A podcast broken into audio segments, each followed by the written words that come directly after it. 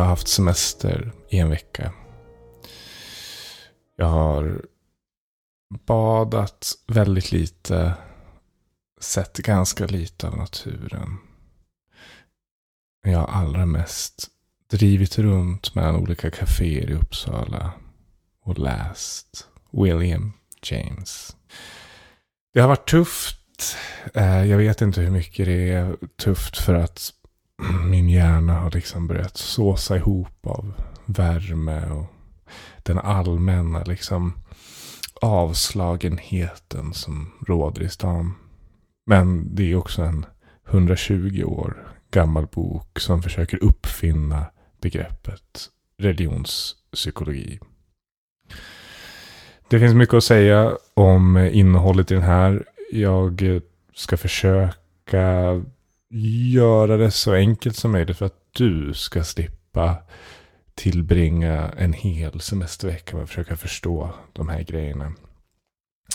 Det han gör är alltså att eh, han vill jämföra den religiösa upplevelsen, eller han vill systematisera den religiösa upplevelsen och kunna göra det till en vetenskap, någonting som går att mäta eller jämföra eller åtminstone definiera. Jag tycker det här i grunden är spännande för att de religiösa upplevelserna är ju intressant om de är sanna. Det är ju spännande att tänka att man kan säga någonting om, om det vi inte ser här i rummet. Det är också intressant om det bara är påhittat. Och massa människor genom eh, hela vår historia i alla delar av världen har upplevt massa saker och allt bara är hittepå. Så hur det än blir tycker jag att det här ämnet blir eh, värt att lägga tid på. Så vad behöver vi veta då? Um, det första du behöver veta är att när människor beskriver sina faktiska religiösa upplevelser är det ungefär som att lyssna på när någon berättar om sina drömmar. Det är symboler och händelser och man ser olika ljus och hej och hå. Det är helt värdelöst att läsa de utdragen.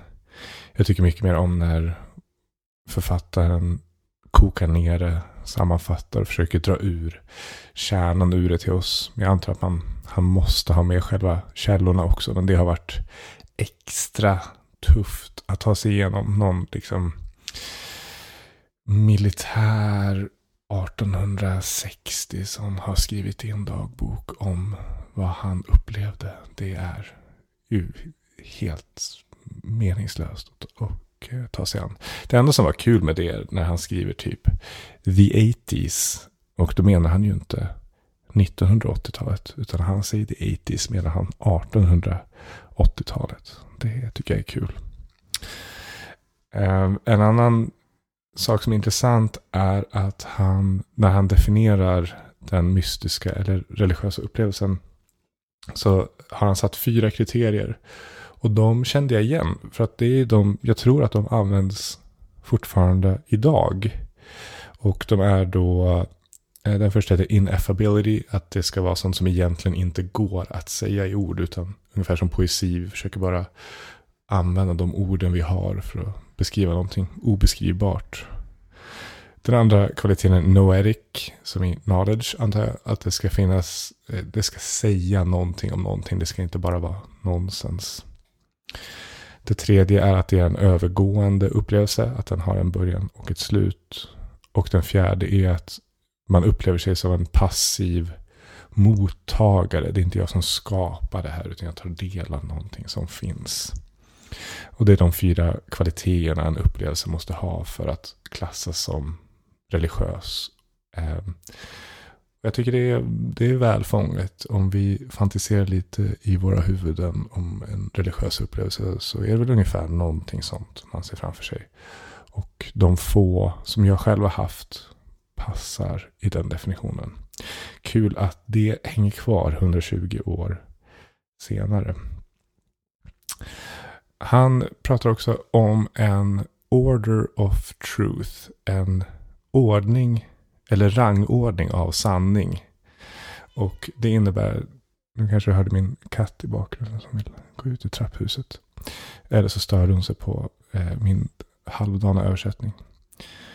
Eh, rangordning av sanning betyder alltså att om jag har haft en religiös upplevelse så kan inte du komma med argument som gör att den inte stämmer. Utan min upplevelse kommer alltid vara i rangordning över vad omvärlden säger om den. Eh, det är viktigt att komma ihåg för att alla de som, alla kan jag säga, men många av de som har haft religiösa upplevelser, andra upplevelser, förstår ju varandra. Men det blir helt obegripligt för någon som aldrig har varit där och touchat. Det tycker jag är viktigt att komma ihåg när man pratar om religion etc. Jag vet att jag själv för 10-15 år sedan hade ju varit en sån som försöker argumentera ner andras upplevelser. Men det hade William James då redan span på att det kan man egentligen inte, det kan man inte göra. Han refererar till att en blind person måste lita på att den okulära verkligheten existerar. Att inte alla bara hittar på. Det är inte så att alla är blinda och att vissa bara låtsas att de ser. Utan den blinda måste bara anta eller tro på sin omgivning. Idag är det väl inte riktigt så att de blinda, det vill säga de ateister och så vidare, litar på att det finns en eller flera ytterligare dimensioner. Utan de blinda argumenterar länge och väl för att det finns ingenting att titta på. Det finns ingenting där. Men nästa fråga är då naturligtvis hur i helvete ska vi sortera i allt det här? Vad stämmer och vad stämmer inte? Och här är författarens åsikt att man bör vara pragmatisk. Om du har haft en religiös upplevelse måste det få någon konsekvens i ditt handlande och ditt beteende. Det är så att omgivningen ska märka av att du har haft en religiös upplevelse. Det står väl något i Bibeln om att du ska döma trädet efter frukterna. Jag vet inte om det stämmer riktigt. Jag tror det stämmer upp till en bit. Om man kommer till ett visst djup i en religiös upplevelse. Men det finns också en level bortom det som har att göra med typ universum är skapt på en ännu djupare nivå. Och där finns det ingen moral och etik till exempel. Jag tror inte att insikter på den allra djupaste nivån innebär att du kommer vara en snällare person. Så ironiskt nog tror jag att det är religiösa upplevelser som är liksom halvdjupa. Han hävdar att eh, om du har en tillräckligt stark religiös upplevelse så ser du alla omoraliska saker. Oavsett religion så är ju det ungefär samma hur man beter sig. Eh, att du liksom inte vill ta del av dem för du blir äcklad av dem. Det känns inte rätt för du har fått en förståelse för hur världen fungerar. Det närmsta jag kan komma där är kanske om jag går förbi köttdisken på ICA så väljer inte jag bort köttet av liksom eh, intellektuella skäl. Utan det känns i mig eh, vidrigt att göra det. Eh, så det har liksom internaliserats för mig att inte äta kött. Medan det är med typ alla andra moraliska handlingar så är jag ju inte så. Utan där måste ju, jag måste ju hindra mig själv och mina impulser och liksom resonera. Eh, men enligt den här boken då så kan du uppnå helgonnivåer. Eller helgonen har upplevt så starka religiösa insikter att de vill inte utföra omoraliska handlingar. Och det är helt på det sättet, det är helt på den ledden vi ska förhålla oss till det här.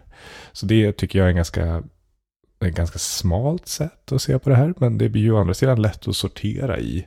Stämmer det eller stämmer det inte? Ja, är personen annorlunda innan eller efter? Man kan tänka sig någon som får en eh, psykos som då blir helt personlighetsförändrad.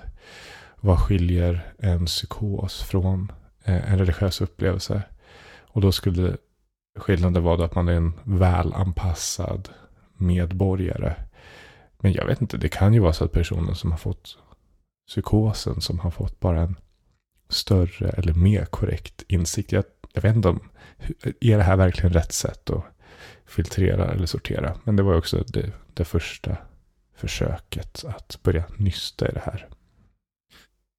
Apropå helgon gör han en jätteintressant spaning om eh, helgon jämfört med det han kallar hövding. Där en, ett helgon sätter väldigt stor premium på den osynliga världen. Då till exempel moral och etik eller filosofi eller religion. Och hövdingen är den som är eh, framgångsrik i den synliga fysiska världen. Han tycker att hövdingen kanske var mer eftertraktad i ett mer våldsamt samhälle och ju mer civilisationen går framåt desto mer bör vi framhålla helgonen. Jag tror inte riktigt så här 120 år senare att det har blivit så.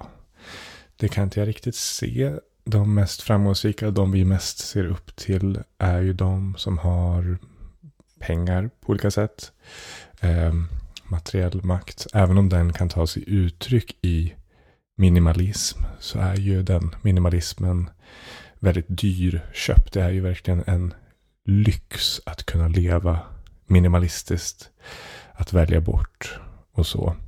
Riktig fattigdom, att leva skralt med få möjligheter är någonting han säger när han pratar om sin tid. Att det har börjat falla bort som en eh, dygd. Och jag vet inte hur nöjd han skulle vara om han såg oss idag. Det, det är ju verkligen ingenting vi ser upp till. Men i religionens historia har ju det alltid varit ansett att leva i olika typer av fattigdom. Och det slog mig ganska hårt att det där, det har vi ju inte alls idag. Till och med de som pysslar med sådana här saker vi pratar om nu, om det är någon yogaperson eller sådär, så säljer man ju olika krämer och kurser och man lever i ett väldigt vackert hem som absolut inte är billigt i drift. Det tycker jag var intressant ur ett, eh, vad ska man säga, socio, vad kallades det? Semesterhjärnan. Jag vet, ni förstår ju vad jag menar för någonting. Det är intressant ur ett historiskt perspektiv. Någonting, att det har kanske blivit värre sedan den här boken skrevs. Att till och med vår eh, andlighet är ju mer kommersialiserad idag än den var på hans tid. Så vad har då ändrats på 120 år? Inte så mycket tror jag. Vi man har ju forskat mycket på så här hur hjärnan fungerar och vilka, vad som är upplyst och inte när man har en sån upplevelse. Men säger det egentligen någonting? Ja, jag vet inte. Jag tycker att det är att analysera det på, på fel nivå. Det som har hänt är att fler och fler personer börjar dela sina upplevelser. Och det finns ju vissa röda trådar som dyker upp. Det kanske indikerar någon typ av sanning. Att man kan jämföra och se ännu mer. Eh, det är en intressant grej jag läste om var, eller undrar om jag läste om det eller såg det på YouTube. Men det var några som ville ta en väldigt stark psykiatrisk drog som heter DMT. Som i DMT-podd. Ehm, men där man skulle ha det, ta den drogen jättelångsamt över lång tid. Och börja mappa ut, alltså skriva ner detaljer om den här världen man upplever i ett, eh, säger man psykedeliskt eller någonting, tillstånd när man har då eh, drogskapade religiösa upplevelser. Eh, och det, alltså det sätt att förhålla sig till är ju jättekul. Att de vill börja rita som kartor eller rita ut vilka personer som, som bor där. Eh, det måste vi kolla upp. Går det framåt med det där projektet och vad händer för någonting och hur många kommer dö? Eh, en annan grej som var rolig med tanke på droger är att eh, han beskriver sin upplevelse med lustgas. Och det finns på den här tiden inte alls något moraliserande över det här. Utan han, han tar sig an det här med både nyfikenhet och stort allvar. Att när man nästan håller på att svimmar. Stänger av den rationella delen av hjärnan och håller på att somna. Då upplevde han väldigt starka religiösa upplevelser. Det är, eh, någonting man kan ta till sig idag. Jag var ju på någon rave här för någon helg sedan. Och då tar ju jättemycket folk eh, lustgas. Och jag undrar om de tänker på det i termer av en religiös upplevelse. Um, han är ju kristen, han som skriver boken, tror jag. Eller han pratar ju väldigt mycket från ett kristet perspektiv. Och uh, han varnar också för att vi ska inte tro att allt det här vi ser är någonting innehållsrikt. att det faktiskt finns någonting där. Det kan lika gärna vara Satan. Och jag gillar att han använder ordet Satan. Som skickar de här hallucinationerna till oss. Igen så tycker han att det är frukterna av upplevelsen som vi ska döma, döma det efter. Ja, eh, allt som allt då. Eh, den här boken har varit, tagit väldigt mycket energi. Det har nästan eh, gått en semestervecka skulle jag säga. Till att ta sig igenom den. Eh, men den är jätte, jätteintressant. Jag har med mig många, många fler anteckningar än det jag har pratat om nu. Och jag vet inte om jag tycker att du behöver köpa den och läsa den. Det skulle vara om du som jag tycker det här ämnet är toppen. Ehm, då kan du göra det. Och kanske om du gör det, läs den inte från början till slut. Läs inte varje sida utan skumma lite fritt.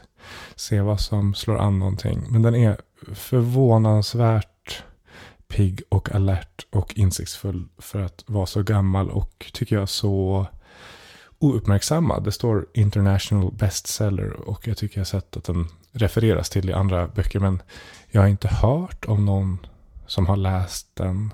Nej, men så att eh, underskattad kanske man kan säga. Men eh, läsvärd, ja, jag håller mig från att sätta en siffra på det här. För det är både fem av fem ur vissa hänseenden. och ett av fem ur andra. Gör som du vill.